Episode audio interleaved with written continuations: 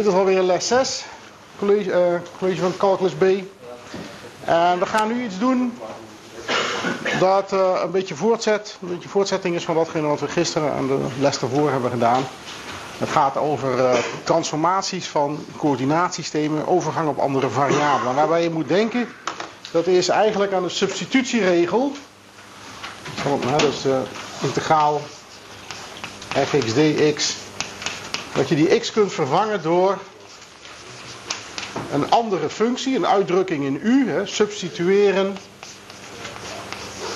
En dat je dus dit soort grappenmakerijen opschrijft. Maar dan voor meervoudige integralen. En dat hebben we eigenlijk al gedaan, want als je, bij, als je overgaat op poolcoördinaten bijvoorbeeld, dan krijg je je integraal aangeboden in x en y. Gewoon een Cartesische coördinaten, maar je hebt hem liever om een of andere reden in R en terta. Nou, dat gaan we nu wat generaliseren. Moeten we eerst even praten over wat is een transformatie. En we doen het eerst voorlopig maar even in het platte vlak. Ik zal een stok gebruiken, dan kunnen ze, de kijkers thuis het ook allemaal volgen.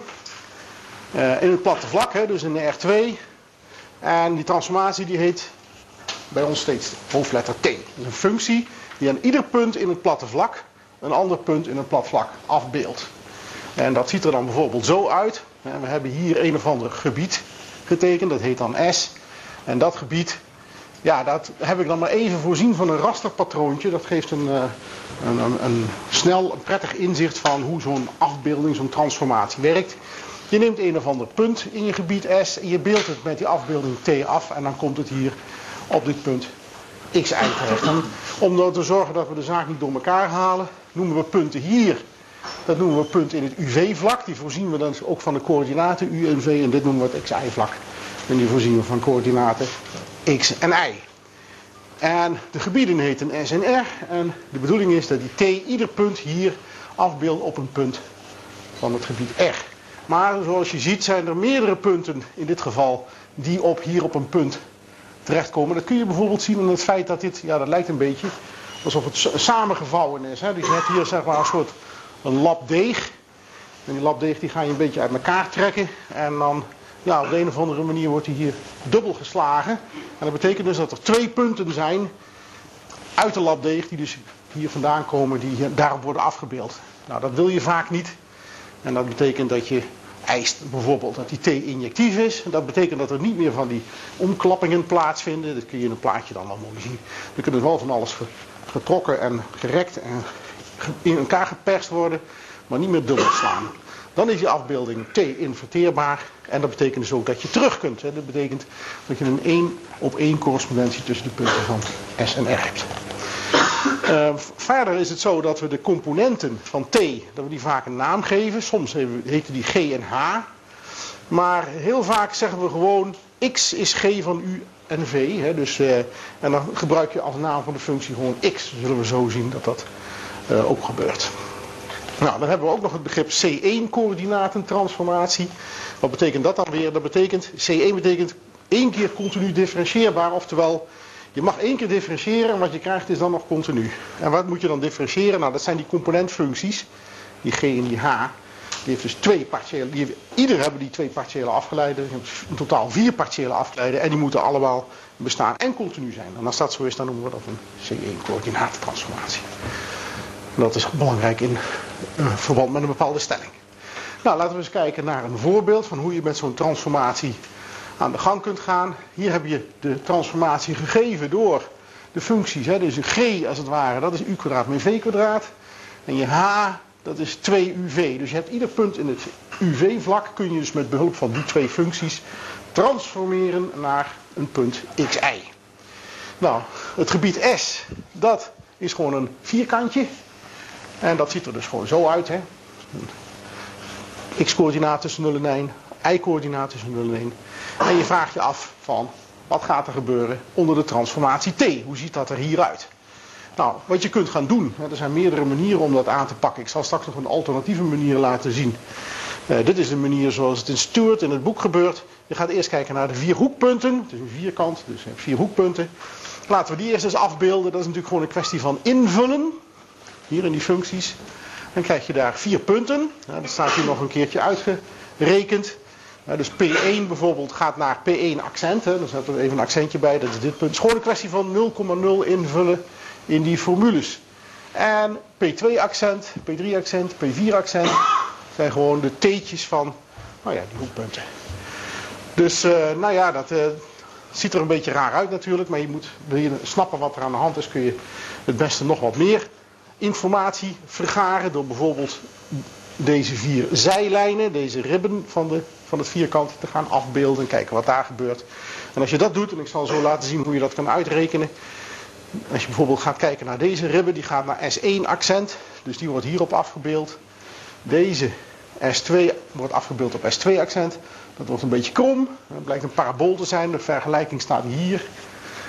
Nou, S3 wordt ook een parabool. Komt daar te staan. En S4 wordt weer een recht lijntje. Dat wordt S4 accent. En ik heb er maar even weer pijlpuntjes in gezet. Dat je ziet dat als je er zo doorheen wandelt, dan wandel je er hier ook linksom doorheen.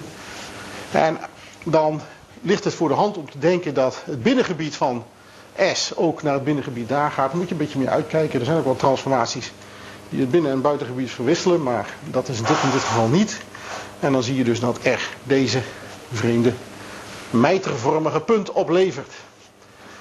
Ja, dat is dan R. En zo kun je dus een transformatie maken die dit gebied S, vierkant gebied, daar op dat gebied R afbeeldt. En dat doet hij inderdaad. Uh, straks zullen we dat zien. Dat is een C1-coördinaten transformatie. C1-transformatie. Oké, nou, hoe kun je dat uh, op, een, op, een, andere manier ook nog gaan bekijken? Uh, dit is een methode die, die prettig is als je dat met een computer kunt doen. Als je met een computer kunt tekenen, met Maple of zo, MATLAB. Hier heb je weer je vierkant en je gaat kijken naar horizontale lijnen. Ja, je gaat deze horizontale lijnen op hoogte C, die C moet je even als een constante bedenken. Die ga je parametriseren. dus T varieert van 0 tot 1. En dan ga je die, die, die y-coördinaten, die is dus vast, c, die ga je dan invullen in de transformatie. Dat is dus t kwadraat met c kwadraat, 2tc. Dit is x, dit is y. En wat je dan gaat doen is t elimineren. Dan krijg je een verband tussen x en y. Daar zit die c nog wel in, maar dat is niet erg. Want dan krijg je dus gewoon een vergelijking in x en y. Daar kan je een plaatje van tekenen. Ja, afhankelijk van de waarde van c krijg je dan hier een of ander parabooltje. Een stukje ervan natuurlijk, want t loopt van 0 tot 1. Dus je moet even kijken wat het begin en het eindpunt zijn. Maar dat krijg je gewoon door invullen, krijg je dat. En uh, op die manier kun je dan zo'n parabooltje tekenen. Kijk, als je met een computerprogramma gaat werken, dan teken je gewoon die geparametriseerde krommen. Want die kan dat namelijk. Dat gaat dan natuurlijk sneller. Dan hoef je niet eerst die, dat, dat elimineren te doen. Maar hier zie je mooi aan dat zo'n horizontaal lijntje gaat over in een parabooltje. Hè? Dat een stukje van een parabool. Dat is een, het is geen Dalfberg parabool, het is een, een, een rechtsparabool zal ik maar zeggen. Dus die, uh, die loopt hieronder zo door. Het is een, x is hier een functie van y kwadraat. Dus zo moet je dat zien. Nou, dan doe je dat voor een aantal lijntjes. En dan krijg je dus ook een aantal parabooltjes. Behalve dan deze. Dat is een beetje een rare. En dat is zeg maar het onderste lijntje. Dat hebben we in het vorige plaatje gezien. Dat heette S1. En dit is dan S1 accent. Nou, iets dergelijks ga je natuurlijk doen met verticale lijntjes. Dan krijg je ook parabooltjes. Alleen dan draai je de andere kant op. En dan ga je er ook een aantal van tekenen. En dan krijg je zo'n plaatje. En daarna teken je dat rasterpatroon in horizontale en verticale lijntjes. Ik heb ze hier maar gekleurd. Dat hoeft natuurlijk niet. Hè. Misschien dat je, als je maar zwart-wit monitor hebt, dan krijg je nu maar rode en blauwe lijntjes. En dan krijg je hier dit figuurtje. En zo moet je dat dus een beetje voorstellen. Dit moet je zien als een lap deeg. Waarbij dus zeg maar deze lijn. En dan moet ik even goed kijken uh, welke. ja, de, de, deze lijn en die lijn, die wordt hier, als het ware, wordt die naar rechts gedraaid. Die komt dan op de x-as terecht. En die punt die draait dan een beetje naar boven. En daarbij wordt de boel een beetje uit elkaar gereikt. Zo zit die transformatie in elkaar. En zo krijg je een beetje een indruk van hoe dat in zijn werk gaat. Dan uh, hebben we bij die, want we gaan straks natuurlijk integreren. Uh, hebben we daarbij het begrip ja, de Jacobiaan nodig. Uh, dat, hebben we, dat woord hebben we al een paar keer laten vallen. Dat was gewoon een of andere correctiefactor. Waar komt die correctiefactor nou vandaan? Nou, dat is een determinant. Een determinant van uh, matrix, in dit geval een 2 bij 2 matrix, met de partiële afgeleiden daarin. Hè. Die hebt dus die, die, twee, die transformatie die wordt gegeven door twee functies van u en v. Die hebben ieder twee partiële afgeleiden, in totaal vier. Die zet je in een mooi in een matrixje. En daar breek je de determinant van. En dan krijg je dus, ja, dit is dan zeg maar uh, de gewone, ja, de algebraïsche uitdrukking die het oplevert. En dat noteer je op deze merkwaardige manier, met van die kromme. En dan, hier staat dan een x, y en hier staat u, v. is een beetje een rare notatie, maar dan moet je maar gewoon houden als je zoiets ziet van, ah, dat is de Jacobiaan. Dus dan herken je dat hopelijk. En denk even dat hier weer geen G en H staat, zoals daar, maar dat je dat heel vaak gewoon die X en die U schrijft. Om uh, ja, redenen die te maken hebben met het feit dat je bij die substitutie vaak die functie G ook niet exact of naam geeft, hè, expliciete naam geeft. Nou, waar gebruiken we dat allemaal voor? Nou, dit is zeg maar de, de, de, de hoofdstelling waar alles om draait. Bij die stelling ga je dus de integraal uitrekenen van een functie f over een gebied R. dat is dus in het xy-gebied. En wat je eigenlijk wil, is overgaan op andere variabelen. Net als bij die substitutieregel wil je overgaan op variabelen u en v. Nou, dan kun je dus een een of andere transformatie bedenken. Je kunt zeggen, nou, x is een functie van u en v, y is een functie van u en v. Dat vullen we dan mooi in in die f. Maar je moet een of andere eh, correctie aanbrengen voor het feit dat bij dat transformeren sommige van die blokjes een beetje groter worden en andere een beetje kleiner. Want anders dan klopt die integraal niet meer, want die integraal is een meter oppervlakken. Nou, en wie zorgt er nou voor dat die correctie goed wordt aangebracht? Dat is deze Jacobiaan. Let op, er is nog absoluut streepje omheen. Hè? Dus de absolute waarde van de Jacobiaan. Dus niet, dat zijn, dit zijn determinantstrepen en dit zijn absolute waardestrepen. Dat je daar even goed op let. Uh, dit moet positief zijn, want het heeft te maken met oppervlakken. Maar uh, in principe, nou ja, oké, die formule die staat daar zo. In, het boek wordt dan wel een beetje uitgelegd hoe dat, hoe dat in zijn werk gaat. Hè, hoe je dat uh, daadwerkelijk kunt bewijzen, maar wij zullen gewoon deze regel gebruiken. Nou, een van de dingen die je dan bijvoorbeeld kunt gaan doen is een paar van die bekende transformaties bij de lurven grijpen en kijken of die op die manier ook te, uit te rekenen zijn. Dit is de, de poolcoördinatentransformatie. En dan heb je dus, in dit geval ga je dan van u en v naar x en y, maar van r en theta. Nou, je ziet hier bij die assen ook r en theta staan. Naar x en y. En hier zie je zo'n zo'n polair elementair gebiedje, maar, maar een polair rechthoekig gebiedje zelfs. dus de hoeken van punten hier, die variëren tussen de grenzen alfa en beta. En de straal die varieert van A tot B. Nou, in het r-theta gebied wordt dat een rechthoek. En de coördinatentransformatie, de hoofdletter T, de afbeelding met componenten, die staan hier. Die noem ik dan maar x en y, ik noem ze dan maar weer niet g en h. En als je dus geïnteresseerd bent in de Jacobiaan, dan moet je de determinant uitrekenen van, nou ja, de partiële afgeleide van x en de partiële afgeleide van y. Die zet je onder elkaar. En dan moet je gewoon die, en die vier dingen uitrekenen en die mal die, min die mal die doen. En dan, dan ben je er. Nou, eerst maar eens differentiëren. Nou, dat is niet zo moeilijk natuurlijk, die partiële afgeleide. Differentiëren naar, naar r, dat is cosinus theta. Differentiëren naar theta is min r sinus theta. Dus dat bovenste rij. De onderste rij, dan moet je die differentiëren naar r respectievelijk theta. Dan krijg je die twee partiële afgeleiden. Dan reken je determinant uit. Dat is die mal die, r cosinus kwadraat theta, min die keer die. En daar staat wel een minteken, dus uiteindelijk wordt het plus r keer sinus kwadraat theta. En daar word je natuurlijk heel erg blij van, want dan kun je R buiten haakjes halen. En dan staan er tussen haakjes cosinus kwadraat plus sinus kwadraat. En dat is 1. En dan krijg je precies de Jacobiaan die je nodig hebt. Met als gevolg dat je dus deze bekende, welbekende formule hebt afgeleid. Nou, met behulp van de vorige stelling. Waarbij je wel moet aantekenen dat die officieel of, uh, absoluut strepen omheen moeten. Maar dat snap je zelf ook wel, dat is niet nodig. Want die R dat is een afstand. Dus sowieso positief. Dus die krijg je cadeau. Nou, Even een voorbeeldje van hoe je zo'n zo'n transformatie kunt gebruiken om een integraal uit te rekenen nou ja, van een ander type, dus niet zo'n poolcoördinaten ding.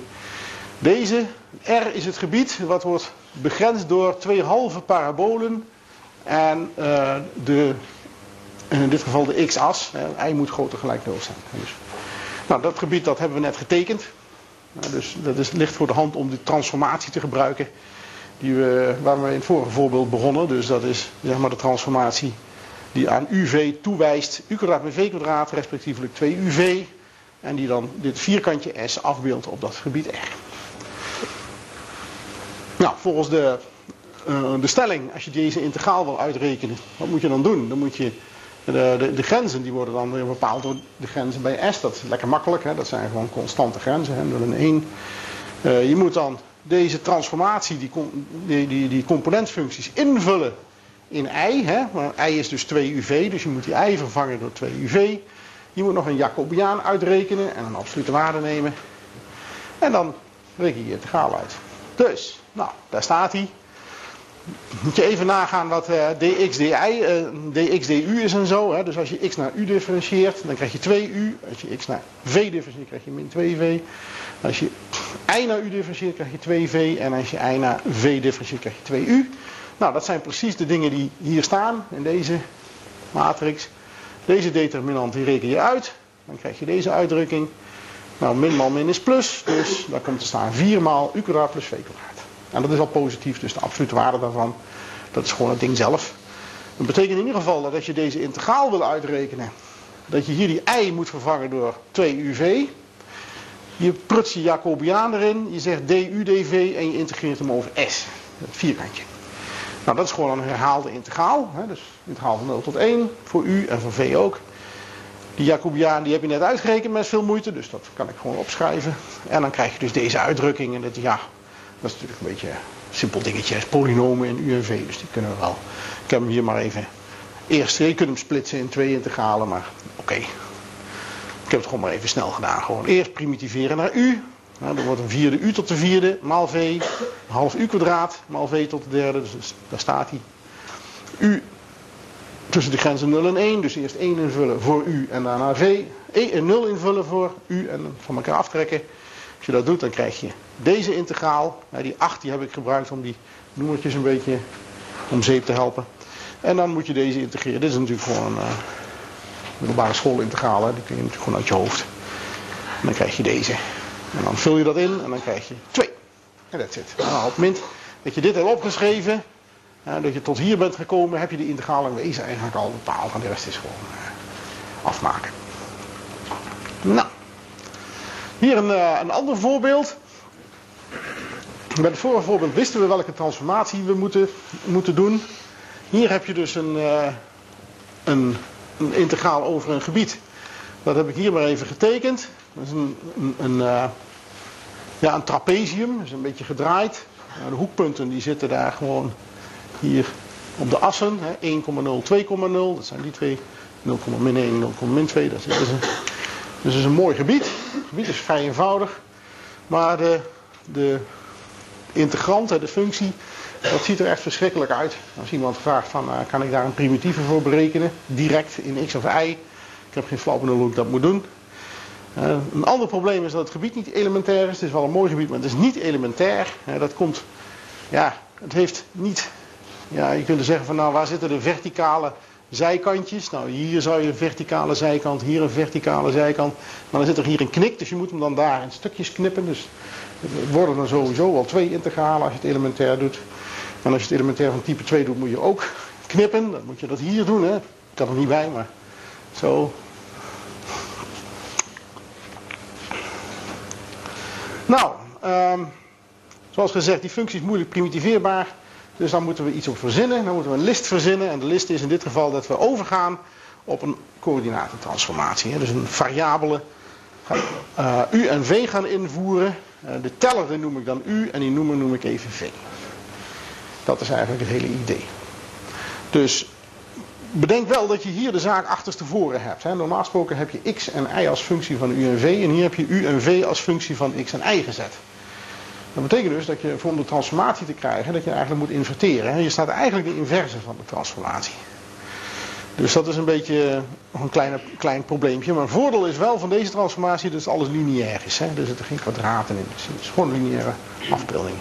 En dat zie je dus terug aan het feit dat als je dus gaat zoeken naar het gebied S, wat op R afbeeldt volgens die transformatie die ik net gaf, dat die dezelfde vorm hebben, alleen een beetje ja, gedraaid. Hè? Misschien uh, wat vervormd want lijnen gaan bij lineaire afbeeldingen over in lijnen. En dat betekent dus, hier heb ik de, oh dat zal, dat zal ik nog even uitleggen. Dat betekent dus als je gaat tekenen dat je in wezen hetzelfde figuurtje krijgt. Nou, dus uh, alleen een beetje gedraaid. Uh, het, het, zoals gezegd, die U en V heb ik uitgedrukt in X en Y. Maar ik wil eigenlijk X en Y uitdrukken in U en V. Maar ja, dat is natuurlijk een kwestie van ja, stelsels, vergelijkingen oplossen. Lineair stelsel. Dan kun je natuurlijk onderhand wel je kunt zeggen, nou u plus v, dat wordt 2x, dus x is een half van u plus v, dan is het half van u v. En dat is een lineaire transformatie. zie je direct, hè, dat is gewoon een getalletje mal u plus. Je zou zelfs de matrix erbij kunnen opschrijven als je wil. Transformatiematrix. Maar dat is allemaal niet nodig. Je kunt gewoon dan, in dit geval, die, uh, in ieder geval is het voldoende om dan te gaan kijken waar die hoekpunten vandaan komen. Hè? Dus dan ga je dat invullen in de inverse. Dan krijg je die vier hoekpunten. En dan zeg je, oké, lijnen gaan over in lijnen. Dus verbind je die zaak met lijntjes. Dan heb je daar je gebiedje S. Ja, dus, uh, nou, waarom uh, doen, uh, doen, we dat allemaal? Dat doen we hierom. dit is nog even de Jacobiaan. We doen het om, om die integraal, die komt nog zo. Eerst maar eens de Jacobiaan uitrekenen. Nou, dat is een lineaire functie. Die partiële afgeleiden zijn allemaal constanten. En die constanten die, ja, die staan daar. Dan kun je de determinant uitrekenen. Is min een half. Let op, nou moet je de absolute waarde nemen. Hè, want uh, dat, dat moet steeds. Dus als je nou die integraal gaat uitrekenen. Dan gaat het dus nou over het gebied S. Uh, sorry, over het, ja, het gebied S. En dat gebied S wordt hier door weergegeven. Elementair. Hè, dat heb ik even snel overgeslagen. Zal even teruggaan. Kijk, elementair gebied dit gebied S is elementair. Van type 2, dat wil zeggen je laat V, de verticale component, die laat je wandelen van 1 tot 2. En bij vaste V moet U wandelen van min V tot plus V. Dit zijn de lijnen U is V en U is min V. Dus zo zit dat in elkaar. Moet je maar even naar kijken hoe dat precies zit. Nou, dat betekent dat, dan kunnen we die integraal uitrekenen. Integraal die gaat dus du dv. V is, varieert van 1 tot 2. En bij gegeven v varieert u van min v tot plus v. Dan ga je je, trans, je substitutie doen. Hè. Dat is eigenlijk gewoon wat je normaal gesproken met substitueren ook doen. x plus y was u, x min y was v. Dus daar komt gewoon dit simpele 1 magje te staan. Hier komt de Jacobiaan du dv. Nou ja, dan ga je deze maar uitrekenen. Dan zul je zeggen van, waarom is deze nou makkelijker als die andere? Dat zullen we zo zien. Er zit een klein trucje in. Die Jacobiaan was een half, moet eigenlijk de absolute waarde nemen vandaar dat dat minteken weg is. het staat er niet bij, maar dat moet je even zelf erbij denken. Dus die halen we ervoor. Deze gaan we nu primitiveren eerst naar u. Maar als je dat doet, dan zie je die 1 gedeelte v, dat is dan ja, als het ware een soort constante. Hè? Dan moet je dan gewoon, ja, dit, hangt niet eh, van u af. Dus je moet die v misschien even in gedachten vervangen door, uh, door 2 of zo. Dan staat er een half u. En dat betekent dat als je gaat primitiveren, dat je dus 1 gedeeld door v 1, uh, gedeeld door een half, dus dat is die, dan die v in de teller, ervoor moet hebben. Hè. Je kunt ook zeggen van ik ga terug differentiëren. En als ik dat doe, dan komt er een factor 1 gedeeld door v voor. Die moet ik compenseren, dus ik moet dat een extra v'tje hiervoor zetten. Ja? Nou, daarna moet je natuurlijk nog je grenzen invullen. Maar dat moet je dan wel voor de teller doen, u. Die moet je vervangen door v en min v respectievelijk. En als je dat doet, dan krijg je deze uitdrukking. Want dan vallen in de teller een noemer, hè, hier, vallen V en, gaan V en V vallen weg. En als je min V invult, vallen ze ook tegen elkaar weg. Dus je houdt precies deze constante over. En waar je dus uiteindelijk mee opgezadeld bent, is dit een Mickey Mouse integraaltje. Dus uh, ja, dat is gewoon een half V kwadraat, dat primitiveert. En dan kun je 2 invullen en 1 invullen. En als je dat netjes allemaal uitwerkt, dan krijg je, oh, dan krijg je dus deze constante. Dat is gewoon een getalletje. Dat je hieruit krijgt. Dat is niet zo moeilijk om dan uit te rekenen. Dus door die transformatie heb je de integraal makkelijker gemaakt. Dan vraag je natuurlijk misschien af van, eh, van hoe kom je dan op die transformatie? Ja, dat is vaak prutsen. Dat, je kunt, het is niet een vaste methode zo van... Uh, nou, dit, hier is de integraal en dan uh, kijk naar die uitdrukking, neem, substitueer maar dit ergens volgens een vaste methode. Het is gewoon proberen.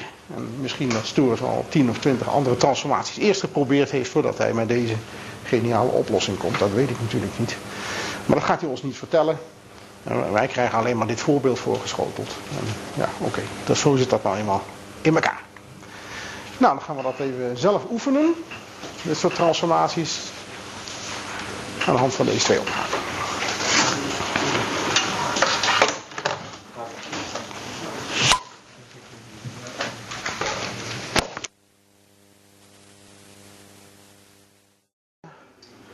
Volgende blokje, dat gaat over drievoudige integralen en transformaties in R3.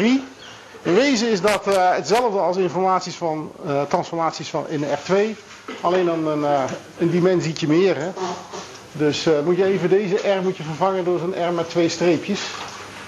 Dat is, die is weggevallen op de een of andere manier. Nou, wat is dat? Nou, de, de, definities zijn hetzelfde. Het is gewoon een afbeelding van een deel van de R3 naar R3 zelf. En ook hier kun je al die definities geven van een C1-transformatie en zo, maar dat ga ik hier allemaal niet doen. Ik geef meteen wat een Jacobiaan is van zo'n transformatie. Bedenk wel dat je zo'n transformatie drie componenten heeft die dan afhangen van drie variabelen, U, V en W. En dat betekent dat je negen, schrik niet, partiële afgeleiden krijgt die je op die manier in de matrix moet zetten. En uh, als je daarvan de determinant uitrekent, dan krijg je de Jacobiaan. Ja, dus dat is, uh, ja, dat is in het algemeen is dat een onprettig karweitje, maar goed, iemand moet het doen, dus ja, niks aan.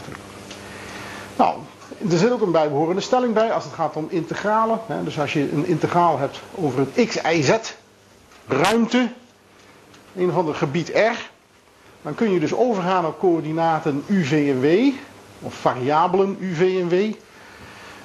Dan uh, vervang je gewoon hè, die x, y en z door de bijbehorende formules met u'tjes, v'tjes en w'tjes erin, in f. Je integreert over u, v en w. Je neemt natuurlijk ook het bijbehorende gebied in, het UV, in de UVW-ruimte. dat wordt dan een ander gebied S, dat wordt dan ook getransformeerd. En je moet weer de absolute waarde van de Jacobiaan erbij schrijven. Omdat anders dan, ja, dan klopt het weer niet. Hè. Ook Jacobiaan weer dezelfde functie. Je moet weer uh, ja, compenseren wat er gebeurt met uitrekken en inkrimpen van die blokjes. Nou, uh, we zullen zo, bij de oefeningen zullen we een, een sommetje maken waarbij je zo'n integraal gaat uitrekenen.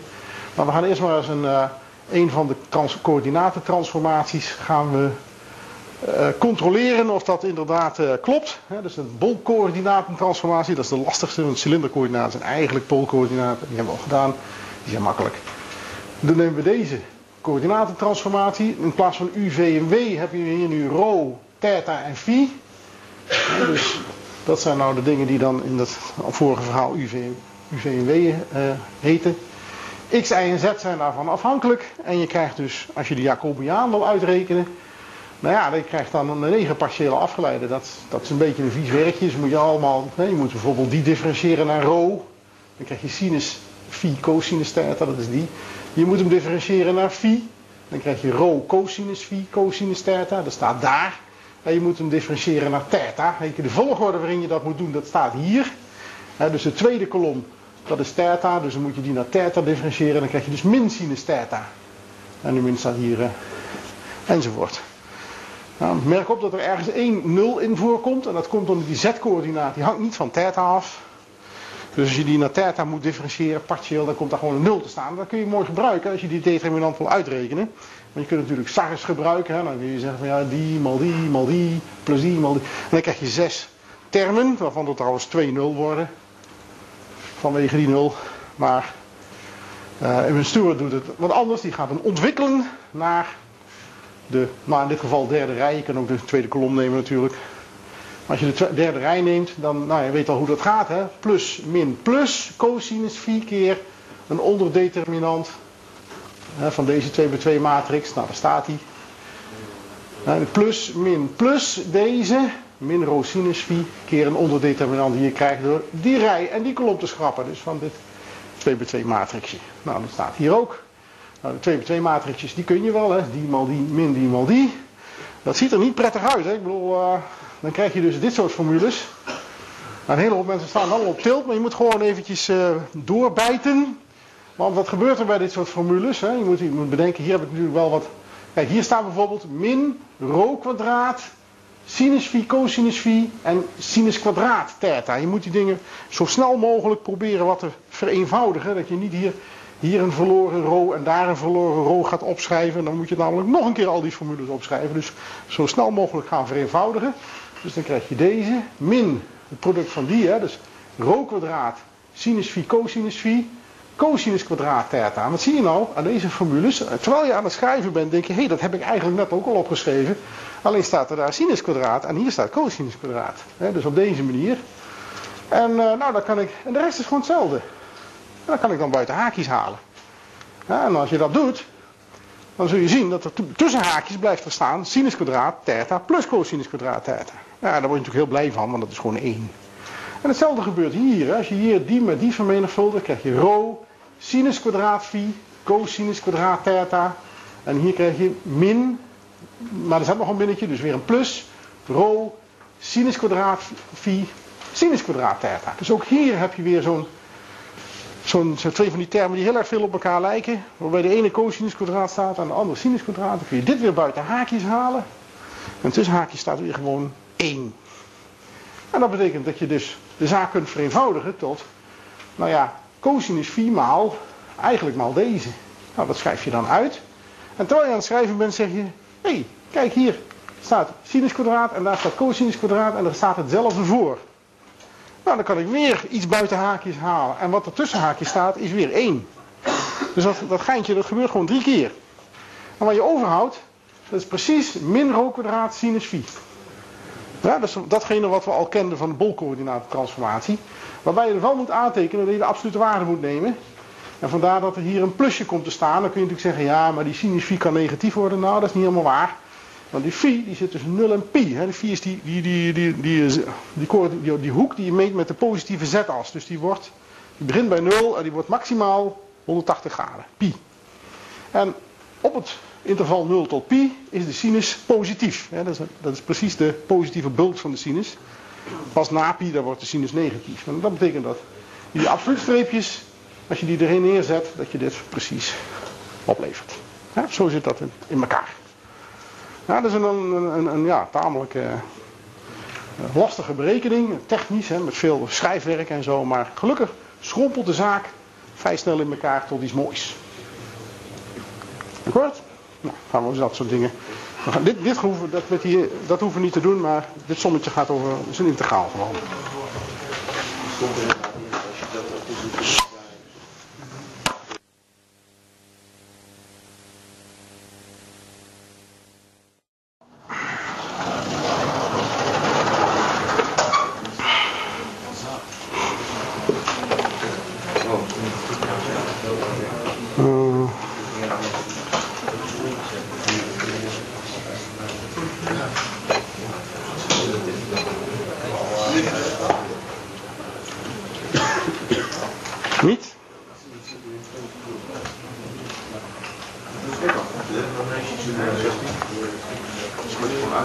steeds niet.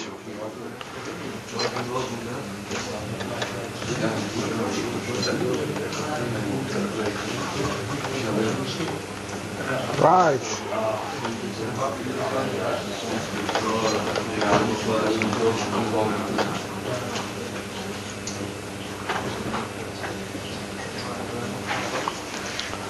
Niet precies wat. Ik denk dat ik te vaak op het zwart schermknopje heb gedrukt.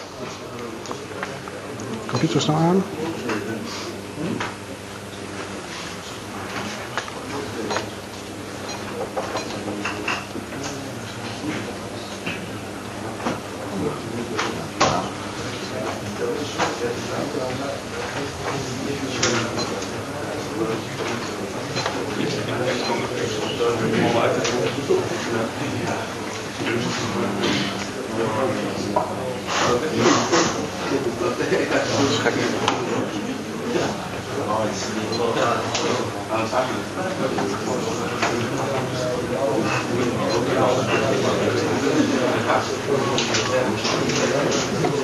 Hebben we de kabeltjes gezeten? Ah, kijk. Dat is gewoon even uit. Oké. Ja. Goed, dan gaan we zo verder. Ik zal even wachten tot je... Ja, dat zal ik zo weer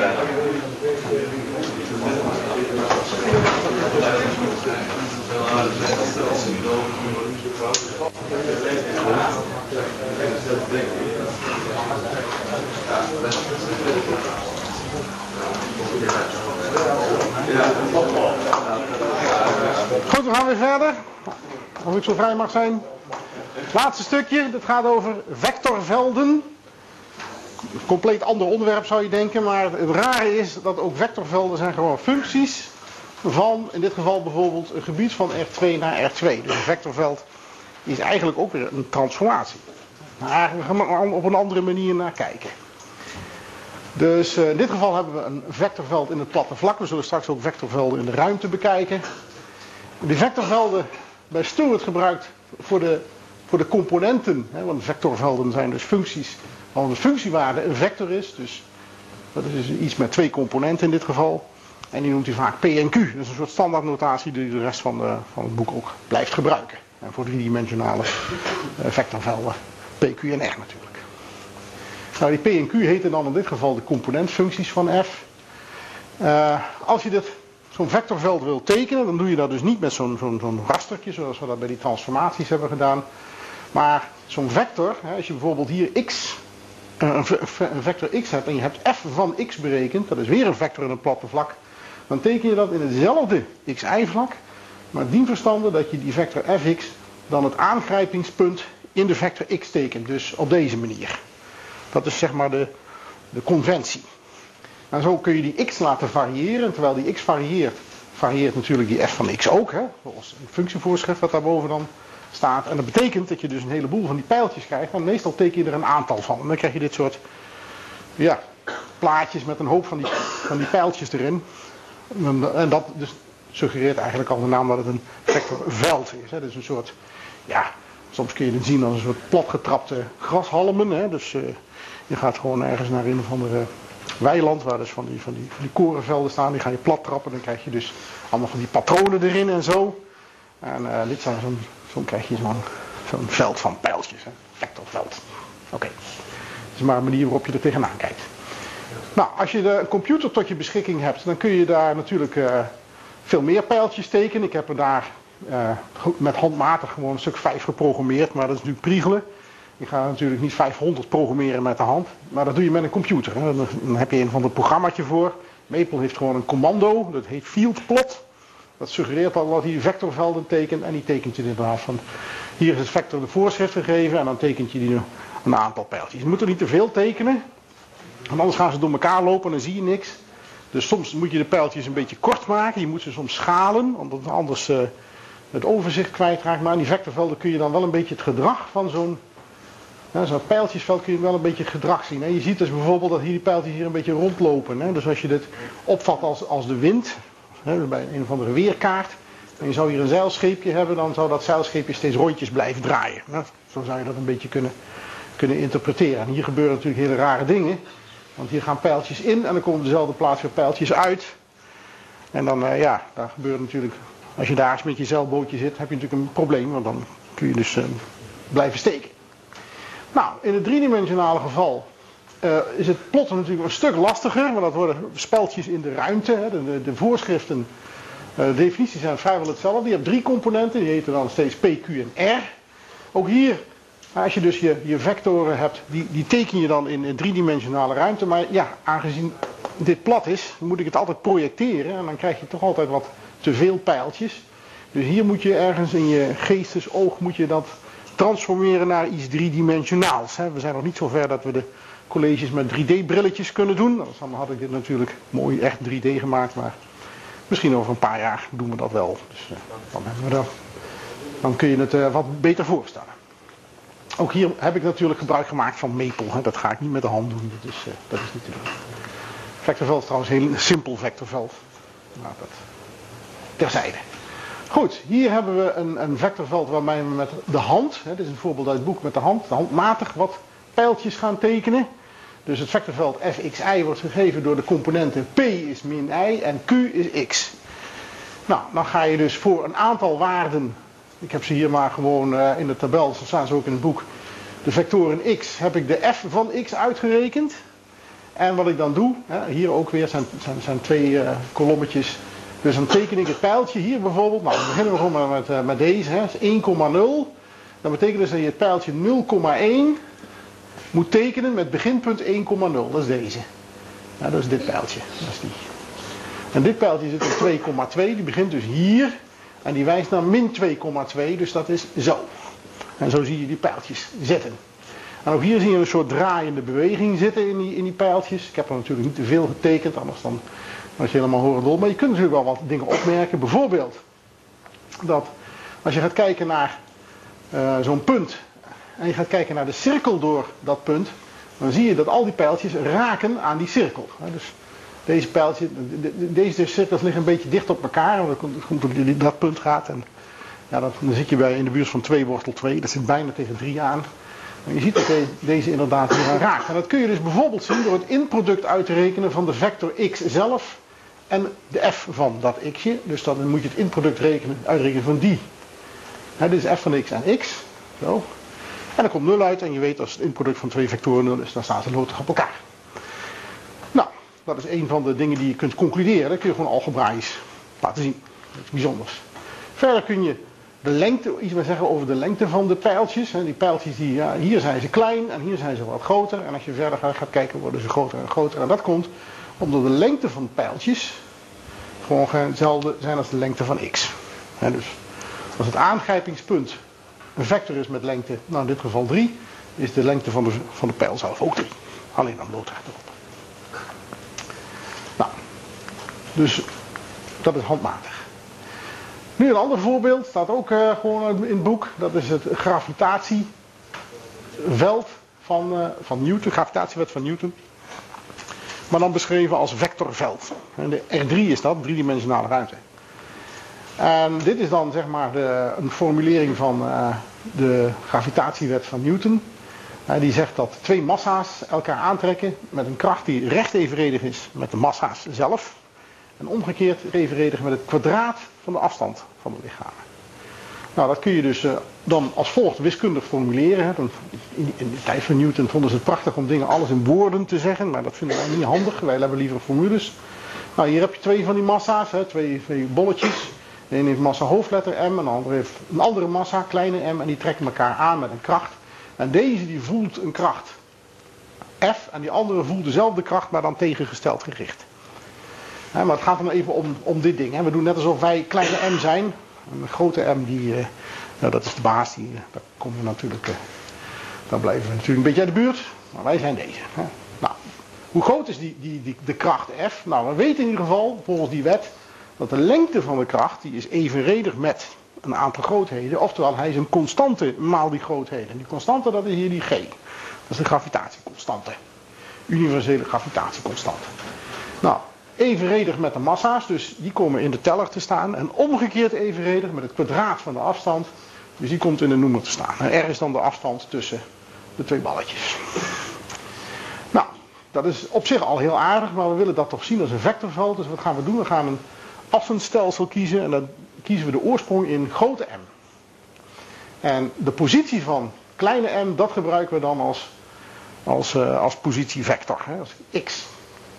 En wat we dus willen weten is, wat is de f van x, de kracht die die kleine m voelt als gevolg van de aantrekking uh, op plaats kleine uh, vector x, hè, deze.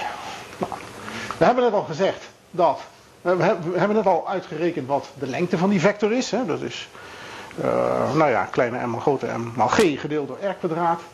Maar we willen nou iets zeggen over de richting, maar omdat we dus zeg maar de, de grote m in de oorsprong hebben, is die, is die vector, die, dat vectorveld f, die, die, die kracht, die is gewoon gericht naar de oorsprong toe. Dus dat is gewoon een getal maal x, waarbij het getal negatief is. Dus dat heb ik dan zo opgeschreven. Is min alpha x voor zekere positieve constante alpha. En die constante alpha, die haal je natuurlijk uit dat verhaal wat ik net haalde met die m maal grote m maal g gedeeld door r kwadraat. dus nou ja, je kunt hier natuurlijk gewoon de lengtes uitrekenen. Dan staat er hier dat alfa is de lengte van die gedeeld door de lengte van die. Nou, die hebben we net allemaal uitgerekend. de lengte van de teller, die staat hier. En dat betekent dat je hier, en je moet even bedenken, die r dat is de afstand tussen de massa's. Maar die grote m die zit in de oorsprong. Dus die afstand, die r, dat is gewoon de lengte van die vector. En dan krijg je dus deze formule. Deze is over het algemeen wat meer bekend. En dan moet je die nog even daarin vullen. Dat gebeurt hier. En dan krijg je zeg maar de gravitatiewet van Newton, waarbij die krachten wordt beschreven als een vectorveld. Dus dit is dan een vector die voor iedere x ja, een of andere waarde heeft. Dat kun je ook nog eens een keer gaan uitschrijven in componenten als je dat leuk vindt. En als je het niet leuk vindt, ja, dan heb ik het toch maar even gedaan. Dat ziet er dan zo uit. je moet bedenken dat hier de lengte van de vector x staat. Dat is de som van de kwadraten, maar dan de wortel. Moet je tot de derde macht nemen. Vandaar hier die, coëfficiënt, of die exponenten 3 tweede. En hier staat dan min m maal hoofdletter m maal g maal x. die vector x Die moet je dan in drie componenten schrijven. En dan krijg je dus deze omschrijving. Kun je dus gebruiken. Zullen die formule trouwens straks nog even gebruiken. Goed. Dan een uh, heel bekend vectorveld. Vectorveld wat je vaak tegenkomt, dat is de gradient van een functie. Functie, dat is een, een, uh, een afbeelding die aan iedere vector een getal toekent. En dat is dus in het algemeen een of andere uitdrukking in x en y of in x en z. En daar kun je dus de gradient van uitrekenen. Dat is de vector die alle partiële afgeleiden bevat. En dat is dus een vectorveld, want het resultaat is een vector. dus dat, dat ding dat heet dan het gradiëntvectorveld, nogal voor de hand liggend. En uh, daar kun je dus allerlei leuke eigenschappen van bewijzen. Dat zullen we volgende keer doen. Uh, een van de dingen die, die je afvraagt is bij een gegeven vectorveld. Kan ik een vectorveld zodanig schrijven dat hij de gradiënt is van een functie?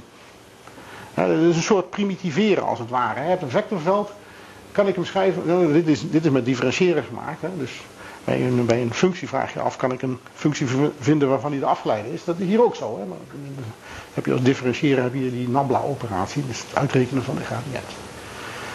Ja, en dat is een tamelijk lastig probleem. Dat kun je niet bij iedere vectorveld gaat dat lukken. Dat geldt ook niet voor driedimensionale vectorvelden. Maar als dat lukt, dan zeggen we dat zo'n vectorveld conservatief is. Want dan gaat er namelijk iets bijzonders gebeuren.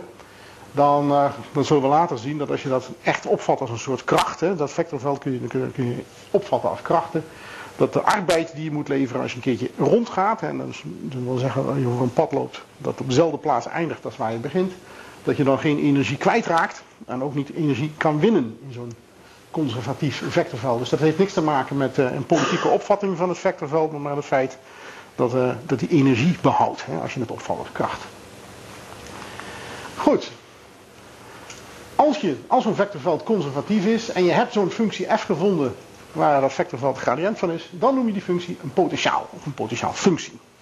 En dan moet je altijd wel bij bedenken dat is een, en dat komt omdat ja, als je zo'n potentiaal gevonden hebt, dan kun je er gewoon een constante bij optellen en dan heb je weer een potentiaal. Nou, dus die potentialen die, die verschillen uh, onderling een constante. Nou, dat, heeft, dat lijkt inderdaad een beetje op primitiveren, want je hebt natuurlijk ook wel uh, niet één primitieve, maar al die primitieven die verschillen een constante en dat heb je met die potentialen precies hetzelfde. Oké, nou gaan we dat eens proberen bij, die gravitatie, uh, bij dat gravitatievectorveld. Uh, nou, geven we hier gewoon de potentiaal, althans de beoogde potentiaal. Dan weten we nog niet of het een potentiaal is natuurlijk. En dat is deze functie. Dat is die functie die aan iedere vector x toekent dit getal. Dat is een getal. Hè? Je deelt door de lengte van x. Nou, dus het lijkt een beetje wat daarboven staat. Maar het is niet helemaal. En het aardige is nu dat als je de partiële afgeleide gaat uitrekenen van f en je zet ze naast elkaar, dus bereken de gradient, dan krijg je precies dat vectorveld waar je boven mee begon, het gravitatievectorveld. Dan moet je dus die partiële afgeleide uitrekenen. Dan is het het handigste om die functie f even te schrijven als een functie in x, y en z. Hè. Dus hier staat dan de wortel uit x kwadraat plus y kwadraat plus z kwadraat. Ik schrijf hem dan maar hier even als exponent, hè, tot de macht min een half. Want ik moet gaan differentiëren, dus dat is altijd wel handig als hij daar op die manier staat. Als je dan gaat differentiëren, dan krijg je min een half ervoor, maal deze. En dan moet je hier uh, een van aftrekken van die exponent, dat wordt min 3 tweede. En dan de kettingregel erop loslaten. En dan krijg je dus 2x. Dat is wat hier staat. Nou, dus die 2 en die een half vallen weg. Er komt een mintekentje voor. En die x die komt dan in de teller. En hier krijg je precies de noemers die in de, nou moet je even naar de vorige sheet kijken, die in, die, in, die, uh, dat vectorveld staan. Ja, dus dit is gewoon de eerste component van dat vectorveld uit de vorige sheet.